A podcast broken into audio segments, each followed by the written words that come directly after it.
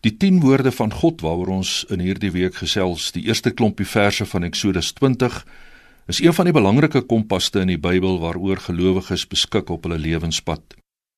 So dikwels word daar gedink dat dit daarin gaan om wat ek as gelowige moet doen sodat ek die ewige lewe kan erf, en ons vergeet dat dit in Eksodus 20 gaan om verhoudings. God wat met my in 'n verhouding staan, ek is die Here jou God, en ons wat met hom in verhouding staan. Soos in enige verhouding waarin liefde die grondslag is, gaan dit om respek vir die ander.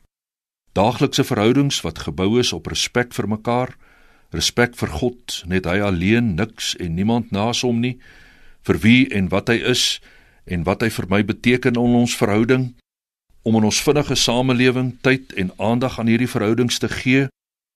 Ons hoor die woord Sabbat en om ook ernstig aandag te gee my verhouding met my medemens in ons vinnige spoedeisende samelewing respek wat sigbaar word deur te wys dat ek gesag respekteer. Eksodus 20 praat van eer binne die gesinsverband, ouers. Dit was in die ou nabye ooste uiters belangrik vir 'n ordelike samelewing. Respek vir alle lewe want moord beëindig 'n verhouding. Respek vir seksualiteit in ons samelewing Respek vir die eiendom van my medemens. Respek vir die waarheid. 'n Samelewing wat erns maak met hierdie lewenswaardes getuig daarvan dat verhoudings, 'n verhouding met God, sy skepping en my medemens, 'n ernstige verhouding is wat getuig van egte liefde. Om anders te leef, ander waardes te handhaaf as mense wat nie in 'n verhouding met God staan nie. Die woordjie begeer van Eksodus 20 vers 17 vat eintlik al hierdie woordes gegrond op respek saam. Die ruimte wat die Here my gee om as mens vandag te kan leef, gun ek ook aan my medemens.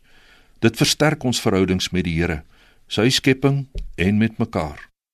Jesus het mos selfs hierdie laaste woorde van sy 10 woorde saamgevat: Jy moet jou naaste lief hê soos jouself. Ons bid saam. Hemelse Vader, Help ons vandag om meer respekvol met U en met ons medemens om te gaan. Help ons om in ons saamleef met mekaar in hierdie samelewing respek teenoor mekaar te bly handhaaf. Amen.